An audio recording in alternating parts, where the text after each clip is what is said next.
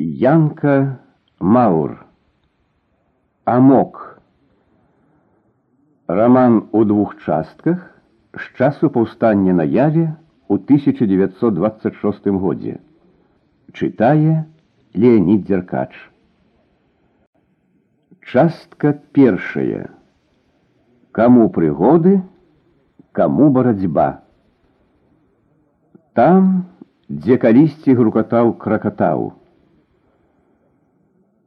Невялікі галандскі ваенны карабель Саардам набліжаўся з поўдня да зонскай пратокі. З левага боку Суматра, з правага ява паступова насоўваліся ўсё бліжэй і бліжэй, нібы мерыліся зусім загарадзіць дарогу. Апусціць парусы, узмацніць пару, загадаў капітан. Саардам змяшчаў дзве тысячы тонн грузу і мог плысці як пры дапамозе ветру, так і пры дапамозе пары.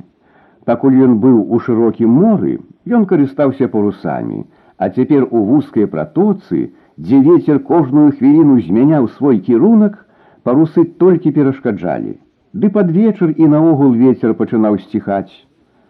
Значыцца, заўтра раніцою будзем у Батавіі, сказаў лейтенант Брент. Засталося толькі 200 кіламетраў. Непрыемна толькі ісці ўначы ў гэтым вузкім калідоры, нахмурыўшыся, сказаў капітан. Глупства, весело адказаў Брент. Мы ж можна сказаць ужо дома, дарогу ведаем, праўда, стары. Звярнуўся ён да боцмана гуза, які стаяў побач і ссасаў сваю неразлучную люльку. Той, не спяшаючыся, выняў з рота люльку, плюнуў у мора і сказаў: « Завяжыце мне вочы, і я бяруся ў такім стане правесці вас у батавію. Праўду кажучы, і сам капітан ведаў, што ніякай небяспекі не можа быць. Сказаў ён гэта так сабе, па прывычцы, як адказны гаспадар, які павінен усё прадугледзець. Сардам вез у батавію зброю, сотню кулямётаў, тысяч тридцать вінтовак ды адпаведную колькасць іншых ваенных прыпасаў. Чатыры гарматы і 60 чалавек каманды складалі яго абарону. Але пра небяспеку ніхто і не думаў, нават само начальства, ну хто мог пагражаць дзяржаўнаму ваеннаму караблю ў моры.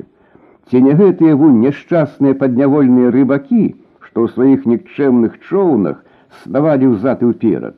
Зразумела, такая думка не магла нікому прыйсці ў галаву ў пачатку 1926 года. Палова каманды, складалася з салдат тубыльцаў, набраных з розных астравоў і вымуштраваных не горш ад галандцаў. Тут былі і з суматры, і з барнео, і з цэлебеса, але большасць была з'явы.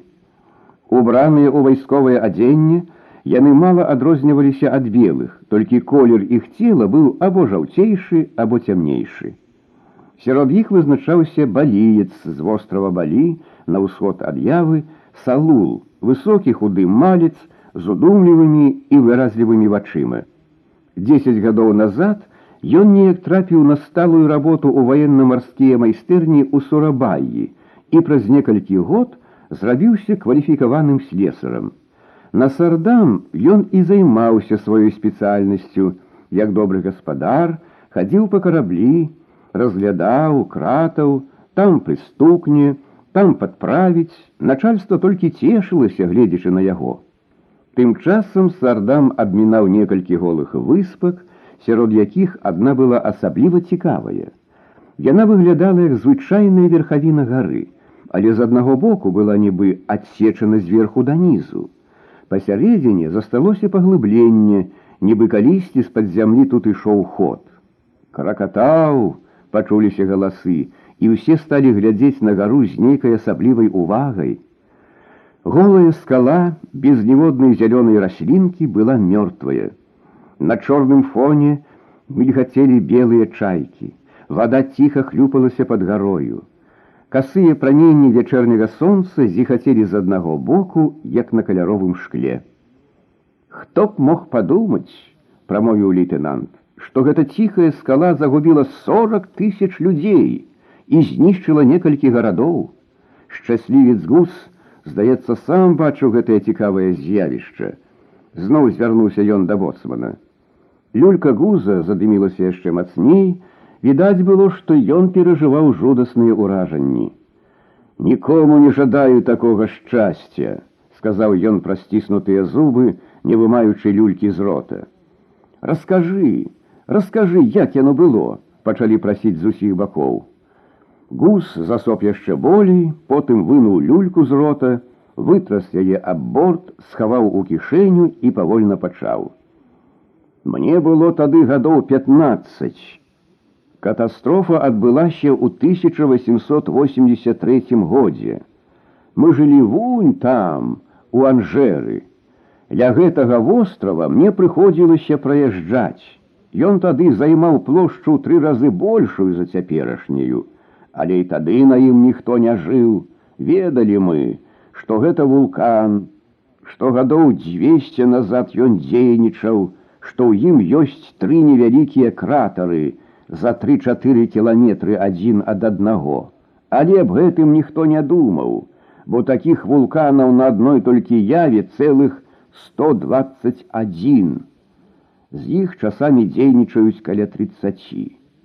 І вось аднаго разу кракатаў прачнуўся, пачуўся грукат, над кратарам падняўся воблачны слуп, як потым казалі, на 11 кіламетраў у вышыню.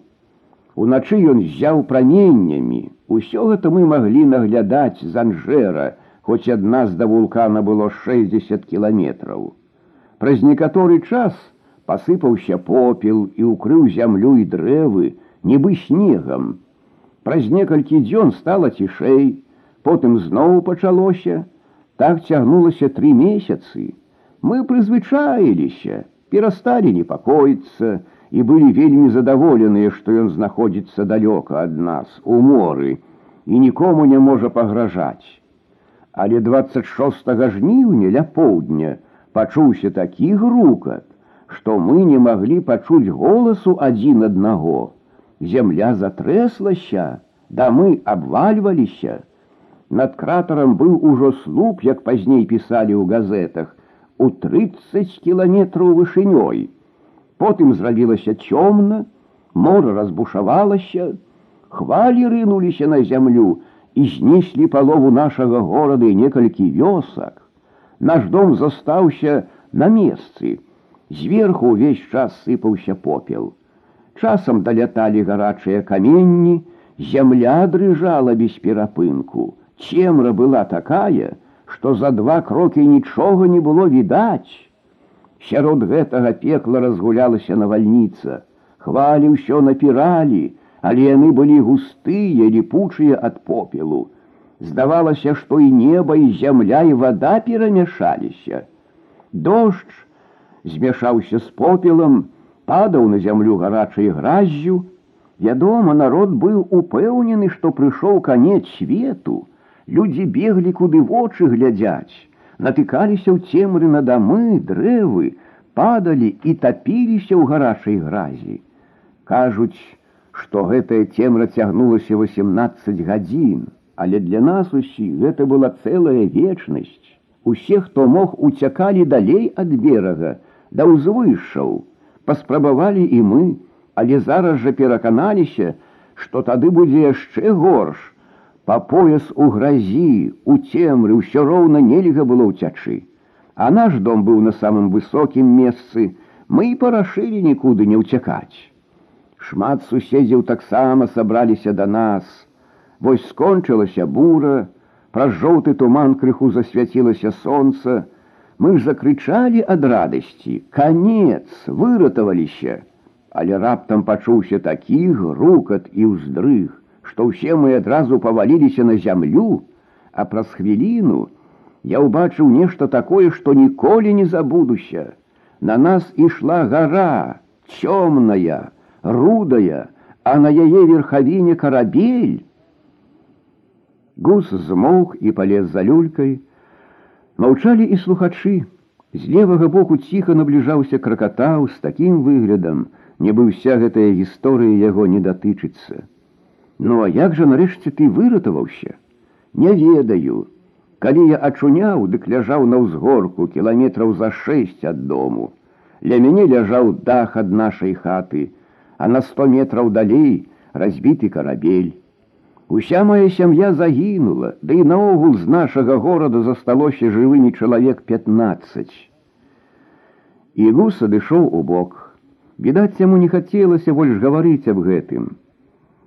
Мы можам дадаць, што марскія хвалі ад гэтага выбуху дакаціліся праз 15 тысяч кіламетраў да Амерыкі, а грукат людзі чулі за 3400 кіламетраў.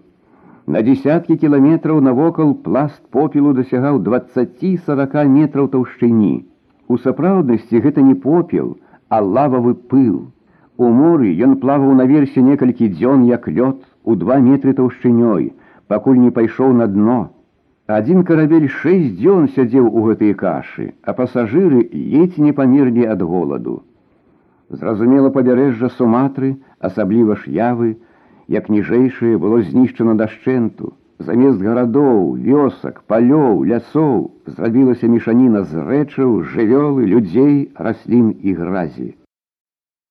Праз некалькі месяцаў у Еўропе і некаторых іншых месцах зямлі заўважылі, што перад заходам сонца неба прымае нейкі асаблівы зялёны колер, нібы сонечнае святло праходзіць праз пыл.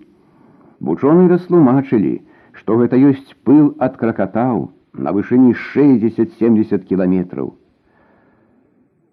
Сардам ішоў далей, кракатаў застаўся ззаду, за ім пайшлі другія астраўкі маленькія, нізкія. Гэтыя астраўкі парабіў кракатаў, сказаў лейтенант, а вось там далей ляжыць значны і людны востраў, сэбезі. На ім тады загінулі ўсе жыхары да апошняга. Гэтыя ўспаміны ды жывыя і мёртвыя сведкі жудасных падзей зрабілі ўражанне на ўсю каманду сардама. Нават ніхто не заўважыў, як зрабілася цёмна, Ды і наогул пад тропікамі ноч заўсёды надыходзіць раптоўна, без змроку. Пакуль сонца свеціць дзень, а як толькі зайшло, адразу цёмная ноч. Карабель жа быў цяпер на экватары, дзе ўвесь год сонца ўзыходзіць акурат а шостой гадзіне, і заходзіць таксама о шостой гадзіне.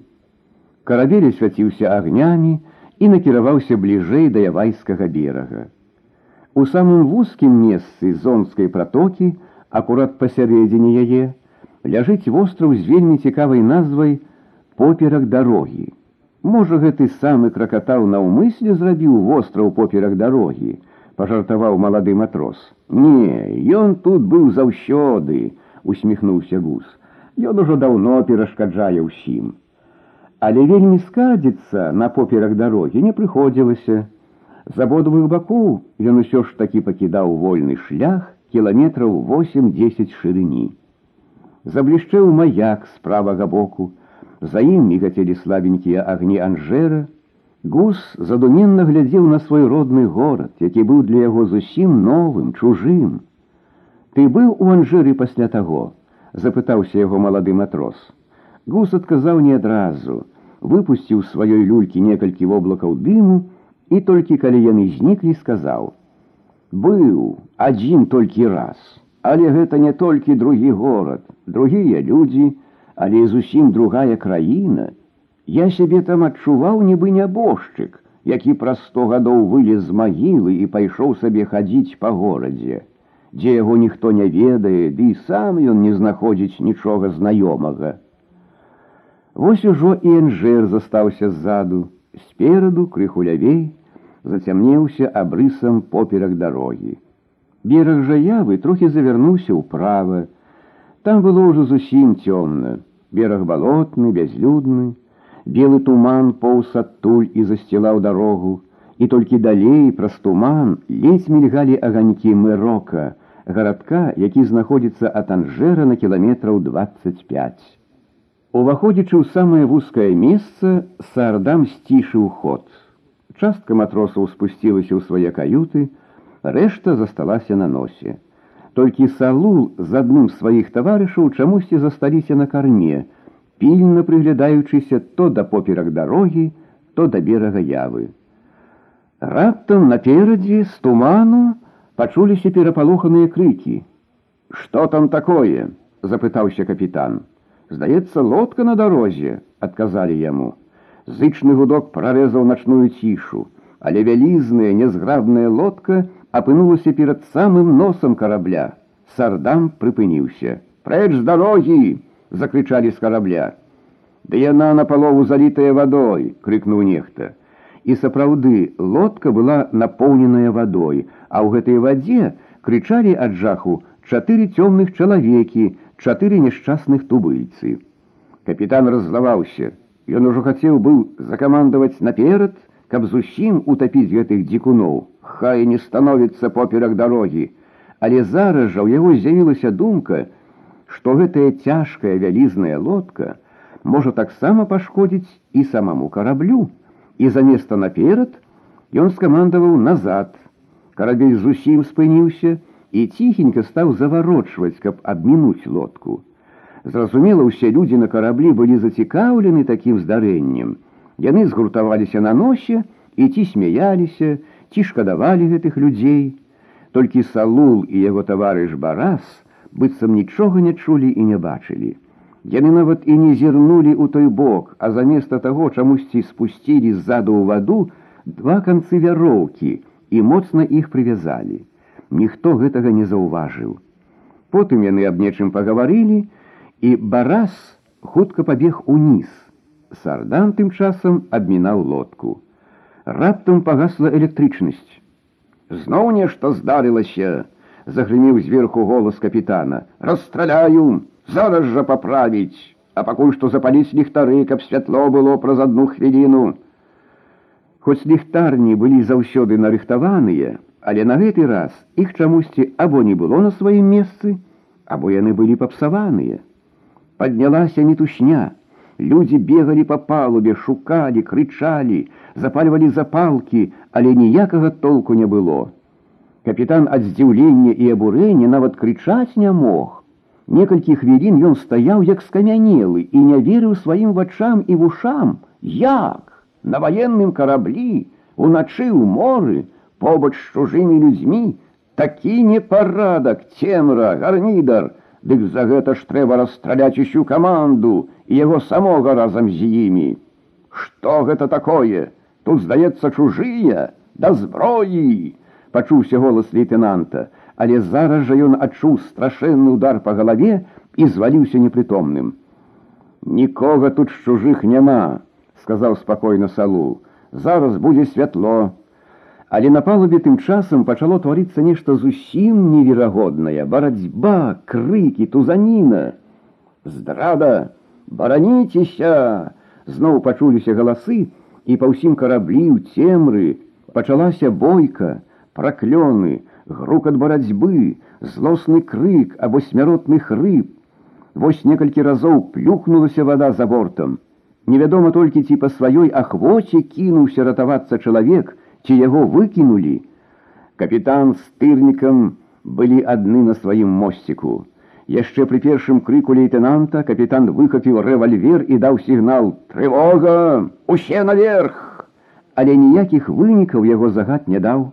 Ніхто знізу не прыбег, і барацьба ішла сваім парадкам. Пачулася некалькі стрэлаў, але толькі некалькі. Капітан адразу сцяміў, што гэты непарадак можа загубіць іх. Трэба было, чаго б гэта не каштавала, сабраць сваіх у адно месца. Ён стрэльнуў з рэвальвера і крыкнуў: « Збірацца сюды, да мяне. Ён ужо бачыў, што адбываецца нейкі напад, але хто нападае і колькі іх. Апрача тых чатырох тубыльцаў у лодцы нікога, здаецца, не было відаць. Няўжо гэта толькі яны. А калі не, дык хто яшчэ і адкуль, ды як? Але разважаць не было часу. У кожным разе было відаць, што нападае шмат людзей. Святло, святло хутчэй! зноў закрычаў капітан уніз да механіка. І зноў адказаў яму спакойны голас салула: « Зараз, зараз, капітан. Тым часам рэшта каманды сабралася ў адно месца ля капітанскага мосціка і адбівалася, чым хто мог. Ужо відаць было, што навокал сабраўся вялікі натоўп чужых людзей. Можна было ўжо страляць у іх, не баючыся трапіць у сваіх. Дзе ж ваша зброя, лайдакі вы, здраднікі, чаму не страляеце? крыкнуў капітан да сваіх салдат і пачаў сам страляць у варожы натоўп. Тады і адтуль пасыпаліся ў яго кулі, і праз хвіліну капітан захістаўся, паранены ў руку і ў бок. Толькі тады запалілася святло і асвятліла карабель. Тое, што ўбачыў капітан, уразіла яго больш як кулі. Уся палуба была занята тубыльцамі розных колераў, ад чорнага да жоўтага. Іх было чалавек 60. Некаторыя апранутыя, як і кожны белы, іншыя толькі ў штанах ці ў кароткіх спадніцах, чалавек 20 трымалі на пагатове стрэльбы, а рэшта мелі ў руках крысы, крывыя кінжалы. Наперадзе, як начальнік, стаяў салу з лейтенантавым рэвальверам у руцэ, а побач з ім шэсць чалавек з уласнай каманды сардама ва ўсёй галандскай каралеўскай форме і пры зброі. Зразумела, матросы гэтыя былі стубыльцаў. Побач сядзеў на палубе лейтенант, які толькі што ачыняў і пазіраў навокал, не разумеючы, што такое робіцца. Крыху далей ляжала чалавек 10 забітых і цяжка параненых матросаў і нападаўшых. Але мастка збіліся ў гурток апошнія абаронцы, у ліку 15-20 чалавек, з якіх толькі два-тры мелі зброю. Здраднікі, што вы робіце? Вас жа расстраляюць як сабак, Покайтеся, пакуль не поздно. Я абяцаю, што прынамсі хоць жыццё вам даруюць. Звярнуўся капітан да сваіх здраднікаў матросаў. Яны толькі засмяяліся ў адказ, а Салул сказаў: « Ведаем мы ваши абяцанкі. Ды шчыра кажучы, нам і каяцца няма ніякай ахвоты, бо мы робім добрую справу. Ад гэтакай абразы капітан ірвануўся, хацеў зноў ухапіцца за рэвальвер, але не хапіла моцы голова закружылася, і ён опусціўся дадолу. Унізе под палубай тым часам заставалася чалавек 35 каманды. З самага пачатку нападу люкі былі шчыльна зачынены і замацаваны, і палова каманды засталася ўнізе у палоне. Яны чулі, што наверсе ідзе бойка, чулі тупат, грукат, страляніну, але нічым не маглі дапамагчы, хоць і зброі ў іх было больш як трэба. Яны маглі б перагаварыцца пра слухавую трубу, якая ідзе з машыннага аддзялення да капітанскай будкі, але цяпер не было каму з імі размаўляць. Тады яны пачалі стукаць і ламаць сілком люкі, але гэта была безнадзейная справа. Апрача таго яны добра ведалі, што там на версе хапіла б некалькі чалавек, каб справіцца з усімі, калі яны пачнуць высоўваць галовы праз люкі. Так яны і вымушаны былі чакаць, пакуль лёс іх вырашыць там наверсе. Больш паловы з іх былі тубыльцы. Яны мелі асобныя ад галандцаў памяшкання і заўсёды адчувалі сябе людзьмі другога гатунку, але яны былі так выхаваны і так прызвычайны да свайго становішча, што рэдка каму магла прыйсці думка, што гэта несправядліва. І ўсё ж такі галандцы не былі упэўнены, што іх таварышы, будуць іх абараняць. Тым часам на палубе салул казаў матросам: « Вы самі добра ведаеце, што абараняцца вы не можете, і зброі ў вас амаль зусім няма, і саміх вас менш за нас, здавайцеся хутчэй. Справа была нагэтулькі ясная, што даводзіць доўга не прыйшлося, то бульцы матросы і самі хацелі такім чынам скончыць справу, ды толькі страх перад белымі, прымушаў іх чакаць, пакуль тыя пачнуць першыя. А белых матросаў было ўсяго некалькі чалавек. Убачыўшы, што капітан і лейтенант выбылі з строю, яны паднялі руки, а за імі дружна падняліся ўсе каляровыя руки. Праз хвіліну ўсё было скончана. Здаўшыхся адвялі ў бок і прыставілі варту. Засталася палова каманды ўнізе. Салул падняўся на масток і звярнуўся да іх праз трубу. Карабель у руках явайскага народа. Каманда на палубе здалася і абяззброена. Капітан паранены і патрабуе лекарскай дапамогі. Супраціўленне з вашага боку немагчыма, прапануецца вам здацца. Унізе сярод галандцаў асабліва гарачыўся малады мічман Ван Хорк. Ён так і палаў жаданнем распачаць бойку з разбойнікамі. Ён чытаў шмат кніжак, дзе галандцы заўсёды былі героямі, заўсёды ўсіх перамагалі, асабліва розных там дзікуноў і піратаў. Ён і сам марыў аб такім геройстве, колькі разоў шкадаваў, што яму ні разу не даводзілася сустракацца з імі і нават не прадбачылася, бо ўсё навокал было так ціха, спакойна, звычайна. Урэшце рашучая хвіліна наступіла і вось на табе. Нават скарыстаць яе нельга, сядзі тут і чакай немаведама чаго. За адсутнасцю больш вышэйшага начальства, якое засталося наверсе, Нічман Ван Хорк тут быў галоўным камандзірам. Ён ужо уяўляў сабе, як са сваімі вернымі салдатамі ён вызваліць карабель, як праславіцца не толькі на ўсю Галандыю, але нават і на ўвесь свет. Браткі, казаў ён свайму атраду, нас 34 чалавекі. У наших руках уся зброя, і можна сказаць увесь карабель, машины, припасы. Без нас яны не змогуць пасунуць карабель ні на один крок. Нават калі без кіраўніцтва мы пусцім машины, дык усе роўна прыткнемся да якога-небудзь берага, а там ужо прыйдзе дапамога. Мало таго, калі мы нікуды не пасунемся, а пратрымаемся на месцы да раніцы, тады таксама нас заўважаць і прыйдуць на дапамогу. Не забывайцеся, што мы знаходзімся ў людным месцы ля сваіх берагоў. Разважанні былі слушныя, і нават гус, які спакойна сядзеў і дыміў сваёй люлькі, і той моўчкі кіўнуў галавой у знак згоды. У гэты момант перадалі, што зверху прыйшла прапанова здацца. Ван Хорк пабег да трубы. Хто вы такія? як вы адважыліся нападаць на ваенны дзяржаўны карабель.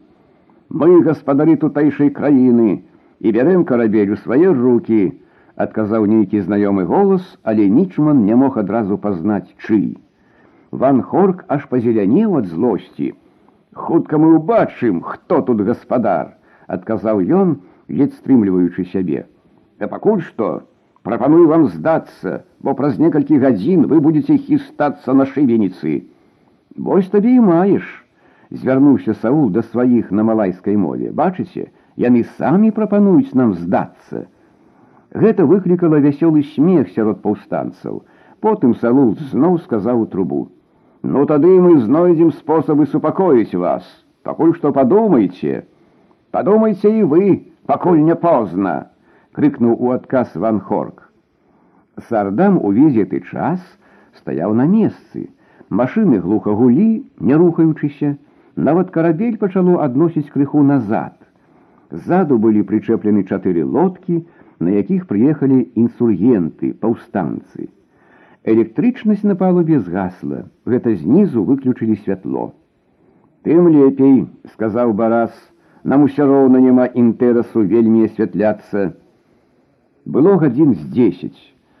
Да раніцы заставалася яшчэ 8 гадзін. Навокал было ціха, рух у зонскай пратоцы звычайна вельмі малы, бо вядзе яна ў паўднёвую пустынную частку індыйскага акіяна. Злева цямнеўся поперак дарогі, справа далёка мільгаў агонь маяка. Інсургенты зрабілі нараду. Стаяла пытанне, што рабіць далей. Мы маем у сваім распараджэнні 8 гадзін, казаў Салул. Час досыць значны, але як аўладаць унутранасцю карабля. Ці не паспрабаваць штурмам рынуцца на іх. Старэйшы з новапрыбыўшых гудас паківаў галавой і сказаў: « У гэтай справе ёсць дзве невыгоды. Па-першае, яны могуць усіх нас перабіць па чарзе. А па-другое, у такой бойцы унутры карабля лёгка могуць узарвацца боепрыпасы, і тады не толькі мы ўсе загінем, але загубім самае каштоўнае для нас зброю. У гэты момант з поўначы падзьмуў лёгкі ветрык. Барас раптам ускочыў і крыкнуў: « Нічога гэтага не трэба. Мы паставім парусы і поедзем назад. Праўда, ветер яшчэ вельмі слабы, але за восемь гадзін мы можам ад'ехаць досыць далёка. Ды пад раніцу можна чакаць і больш значнага ветру, а яны хай сабе там сядзяць. У моры мы паспеем з імі справіцца. Прапанова была простая і разумная. Пакуль што спыніліся на ёй, закіпела работа. Усе малайцы даўно ўжо вядомыя, як здольныя спрактыкаваныя маракі. Хутка парусы былі пастаўлены. Сардам пачаў патроху заварочвацца. Справа ішла марудна, ветер быў вельмі слабы, часам зусім сцішаўся, і толькі праз паўгадзіны карабель шырокай дугой завярнуўся назад. Тады пайшло лягчэй. Ветер дзьмуў у спіну хоць і не моцна, але затое уся яго сіла выкарыстоўвалася поўнасцю. Вось знік поперак дарогі, пачаў набліжацца анжэр, так і ехалі з гадзіну. Але раптам застукала машына, і карабель пайшоў назад. Ах, праклятыя! Яны сцямілі, што мы ад'язджаем і далі ход назад, каб перашкодзіць. Пачалося незвычайнае спаборніцтва. Хто пераможа, ці машына, ці ветер. У гэты момант застагнаў капітан. Салул успомніў, што параненыя ляжаць без аніякай дапамогі і сказаў у трубу: « Прышліце доктара, вашаму параненаму капітану патрэбна дапамога. Адтуль не адказалі, але было чутно, што там ідзе нарада. Урэшце Ван Хорх сказаў: « А якая гарантыя, што гэта не правакацыя? Салул падняў галаву, зірнуў наўкол і, убачыўшы лейтенанта, сказаў яму: « вы згодзіцеся ад свайго імя запрасіць доктара да вашага капітана. Лейтенант таксама абмеркаваў становішча, як Іван Хорк. Трэба было як мага болей выгадаць часу, апрача таго, нельга было пакідаць без дапамогі і свайго капітана, хоць пэўна, іх усіх гэтыя разбойнікі потым могуць расстраляць. Добра, адказаў ён. Тады Сагул сказаў уніз: Зараз сам лейтенант Брент скажа вам тое самае. Лейтенанта подвялі да рупара. Я лейтенант Брент, сцвярджаю, што нашаму капітану неабходна хуткая дапамога. Ван Хорк пазнаў голас і згадзіўся, але з умовай, што доктару будзе дазволена вярнуцца назад. На гэта ахвотна была да нас згода, бо ўсё роўна яны ўсе былі ў руках пераможцаў. А можа лейтенант загадае ім, каб яны здаліся, дадаў яшчэ салу і прыставіў да галавы бренда рэвальвер. Лейтенант пабялеў, але сабраўшы ўсе сілы, адказаў глухім голасам: « Рабіце, што хочаце, але я гэтага не магу зрабіць, не маю права, пакуль капітан жывы. Шкада, сказаў Саву, так было б лепей і для вас саміх. Мы вас усіх адпусцілі на волю, а так загінеце і вы і яны. Хай будзе, што будзе, адказаў бренд умовіліся, што люк крыху адчыніць, каб прапусціць аднаго чалавека і што з абодвух бакоў будуць прыняты меры перасцярогі. Так і зрабілі. Калі люк быў прыпадняты зверху і знізу ашчацініліся штыкі і стрэльбы, а сярод іх паказалася галава доктара. Баязліва вылез ён наверх са сваімі прыладамі, а люк зараз жа зноў шчыльна зачыніўся. Доктор перавязаў капітана, потым аглядзеў другіх параненых. З іх былі мёртвымі адзін з нападаўшых і два з каманды. Адзін галандзец, другі тубылец. Іншыя былі толькі параненыя, у тым ліку і лейтенант меў рану на галаве. Потым такім жа чынам доктар вярнуўся назад. А карабель тым часам бадай што спыніўся. Заднім ходам ён не мог так хутка ісці, як звычайным, але ветер быў яшчэ слабы, і пакуль што сардам толькі варушыўся на месцы. Нарэшце машына пачала перамагаць, карабель пачаў крыху пасоўвацца назад. Усе усе парусы скамандаваў салу, выпрасталі кожны кавалачак парусоў, нават проста праз палубу прыцягнулі брызент. Вецер падзьмуў мацней, і каравель пасунуўся наперад. Потым зноў назад. Палонныя галандцы з трывогай сачылі за гэтай дзіўнай барацьбой. Доўга не было вынікаў ні ў той, ні ў другі бок, але праз некаторы час вызначылася, што перамагае машына, Эх, ветру, ветру, крычалі малайцы ў роспачы і з нецярплівасцю у той час, як галандцы прагна жадалі, каб ветер зусім спыніўся. Апусціць парусы, неспадзявана загадаў салу, усе так здзівіліся, што ніхто нават не крануўся, каб выканаць загад. Что такое? Что гэта азначае? запыталіся яго таварышы.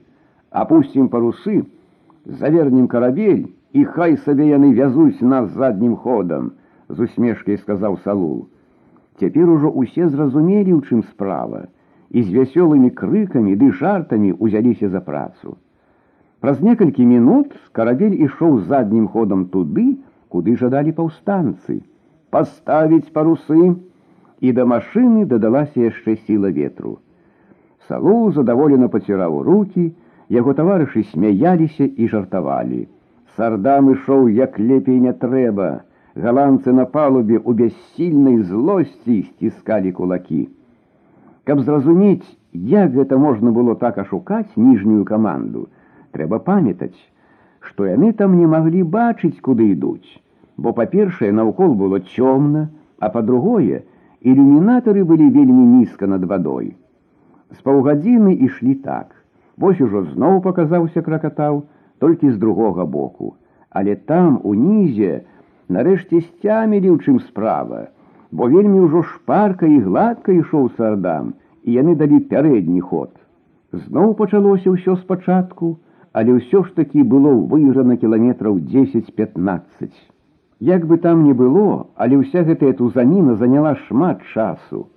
Да дня заставалася толькі чатыры гадзіны, а карабель усё яшчэ быў у зонскай пратоцы, так сказаць, на людзях. Трэба было так або іначай канчаць. Што ж рабілася за гэты час там под палубай? Мічман ван Хорк быў вельмі задаволены. Усё ішло так, як ён хацеў. Яны пратузаюцца так усю ноч, а ў дзень і заўважаць, паведаміць, куды трэба, і тады прыйдзе вызваленне. І ўсе будуць ведаць, што гэта ён, Мічман ван Хорк не здаўся і выратаваў карабель супакоіліся і маракі.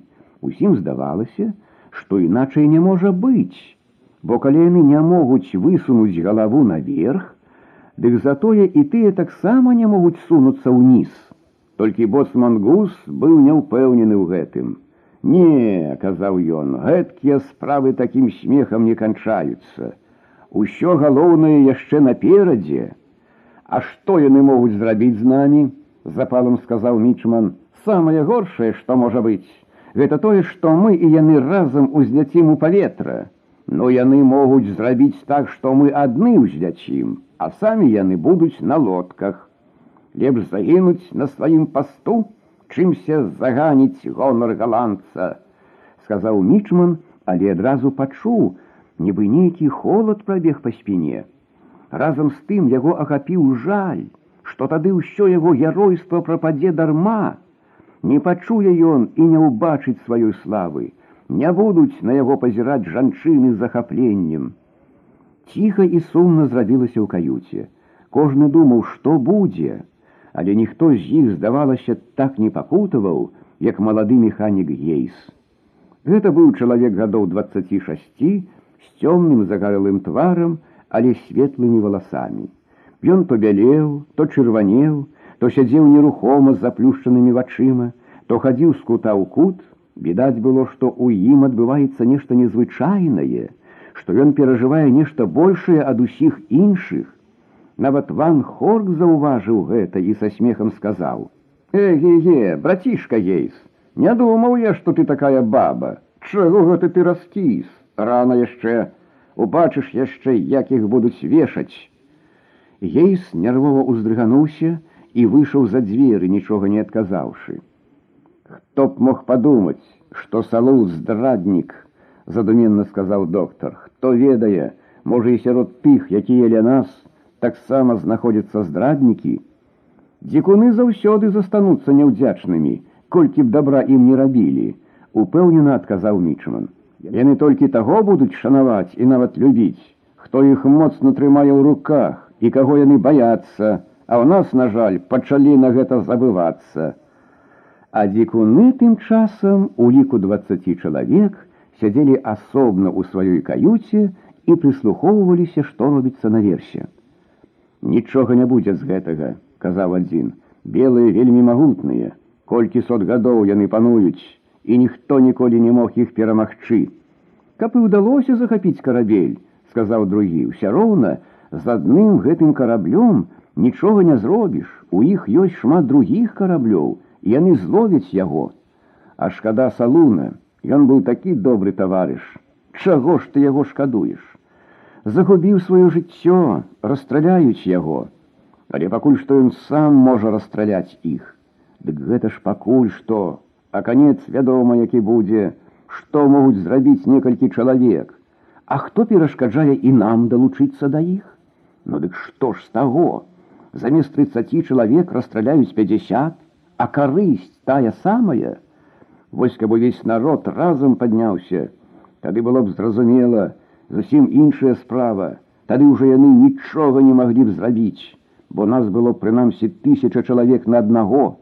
Хапіла б і двух чалавек на аднаго, а вы толькі дружна, разам. Яно то так, але як гэта зрабіць, каб усе адразу, Тады і я згадзіўся пайсці. У кожным разе некаму трэба пачаць. Вось яны і пачалі, ну а мы, Няўжо ж мы пойдзем супраць сваіх братоў. Асцярожна, азіраючыся па баках, шапталіся дзікуны ў форме каралеўскага галандскага флота. Можа, сярод іх ёсць такі, і, напэўна, ёсць, які пабяжыць да паноў і перакажа гэтую гутарку, але тыя, хто адважыўся выказаць такія рэвалюцыйныя думкі, парашылі далучыцца да сваіх і ведалі, што прынамсі ў гэты момант ім нічога зрабіць не могуць. Няўжо ж я павінен забіць майго брата салула, каб абараніць жыццё мічмана ван хорка, які абодвух нас прыціскае. Мы не будзем яго забіваць. Кожны чалавек жыць хоча. Я не веру, каб некалькі чалавек маглі вызваліць усю краіну і не хачу дарма падстаўляць сваю галаву.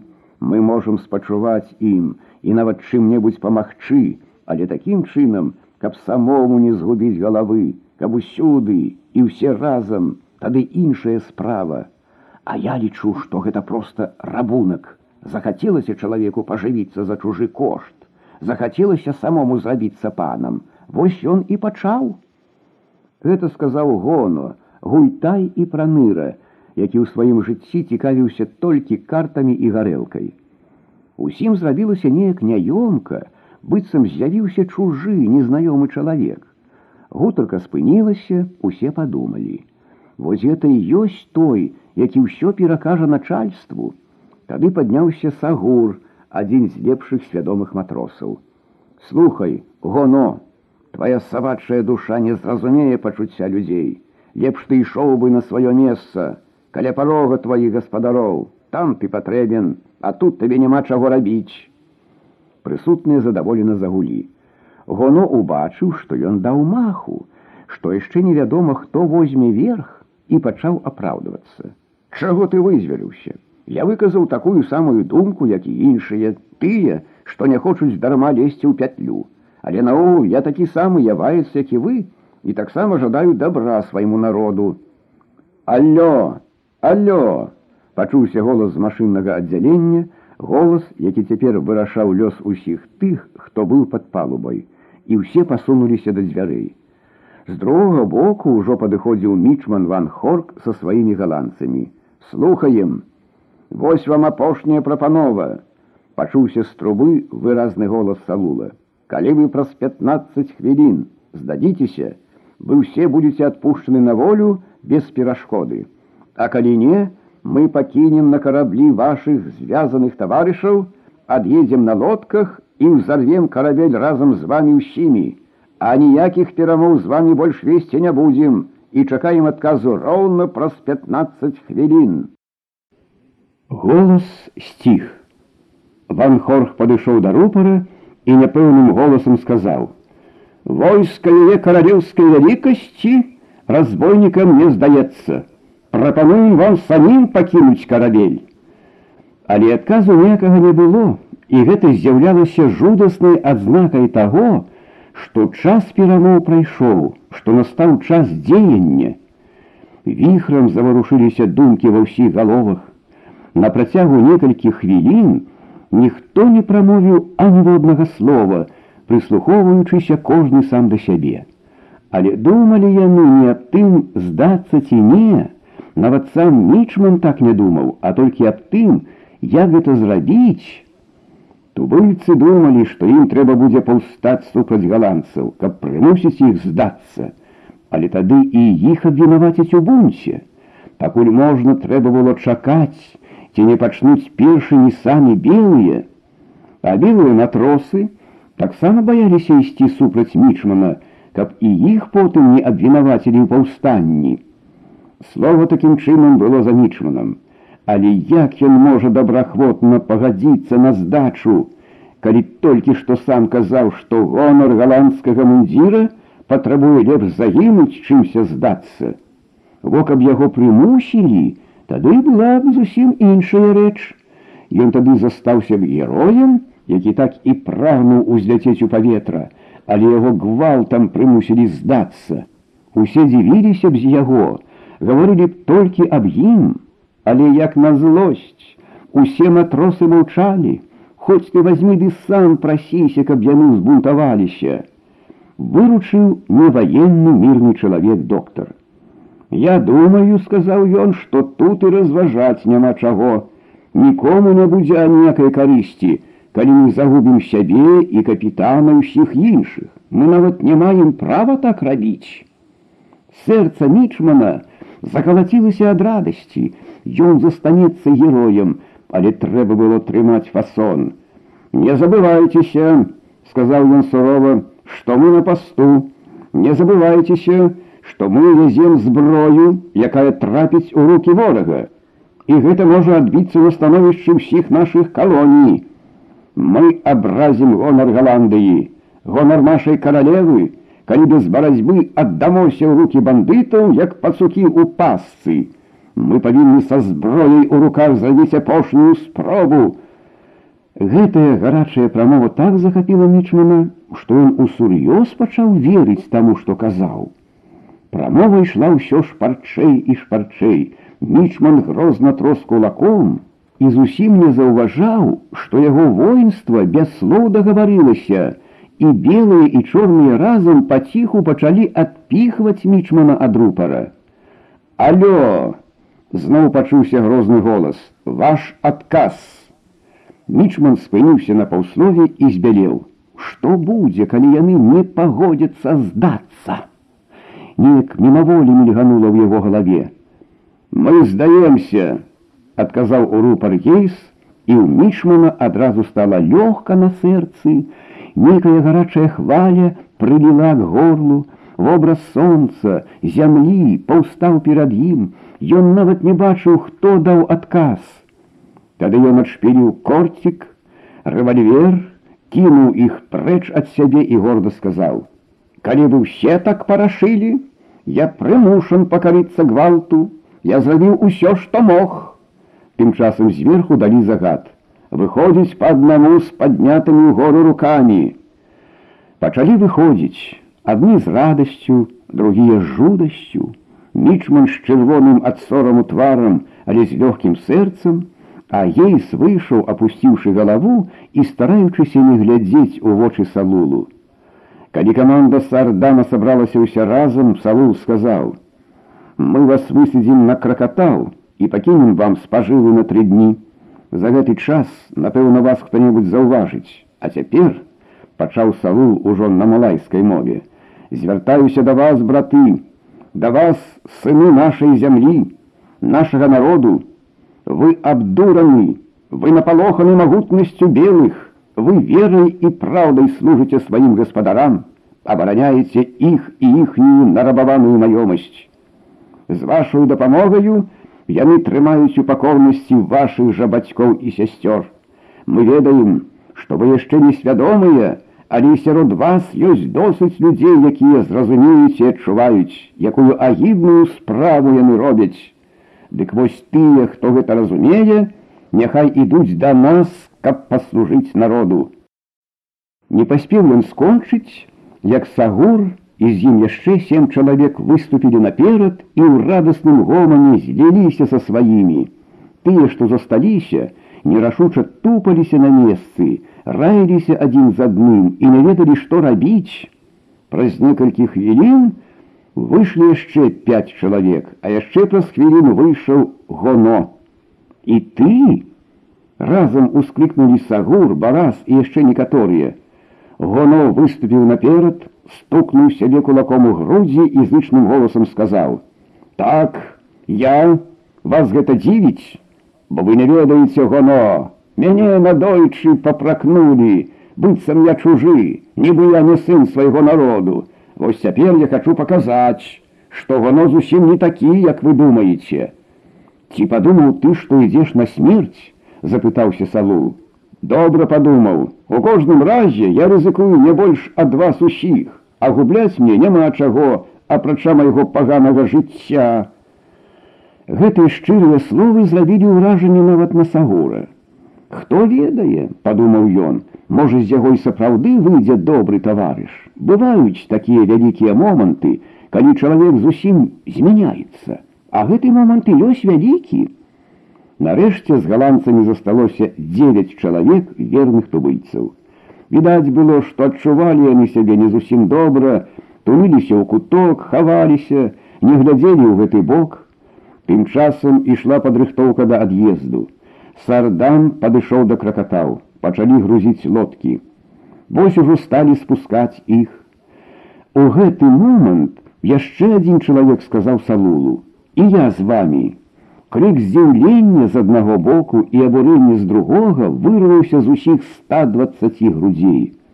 Чалавек гэта быў галандец, гейс, Божа, які сорам! загаманілі галандцы. Што гэта такое? Ці не памылка, жарт або ашуканства, казалі яванцы. Саул падышоў да галандца, абняў яго, пацалаваў і, звярнуўшыся да сваіх, сказаў: « Таварышы, я ведаю гэтага чалавека, хоць ён і белы, але наш, гэта значыць усіх прыгнечаных.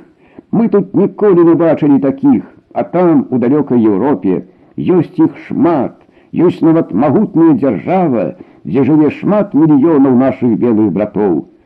Ленін, Савет, Расія пачалі хваліцца сваімі ведамі малайцы. Но вось бачыце, засмяяўся салу, а ейс на ламанай малайскай мове дадаў: ёсць і галандцы, много ёсць. Хай жывуць такія галандцы, загрымелі галасы. Ейс быў у Галандыі рабочым і некаторы час быў звязаны з камуністамі. Потым ён трапіў на яву і неспадзявана для сябе самога сам зрабіўся панам, бо сярод галандцаў на яве няма аніводнага простага чалавека, адны толькі паны. На кожным кроку ён адчуваў перавагу над тубыльцамі, ніякай крыўды ён не меў з боку сваіх галандцаў. Ён паступова пачаў супакойвацца і забывацца аб сваёй рэвалюцыйнасці. Да тубыльцаў ён быў вельмі добрым, нікога не крыўдзіў, чым мог стараўся дапамагчы і гэтым супакойваў сваё сумленне.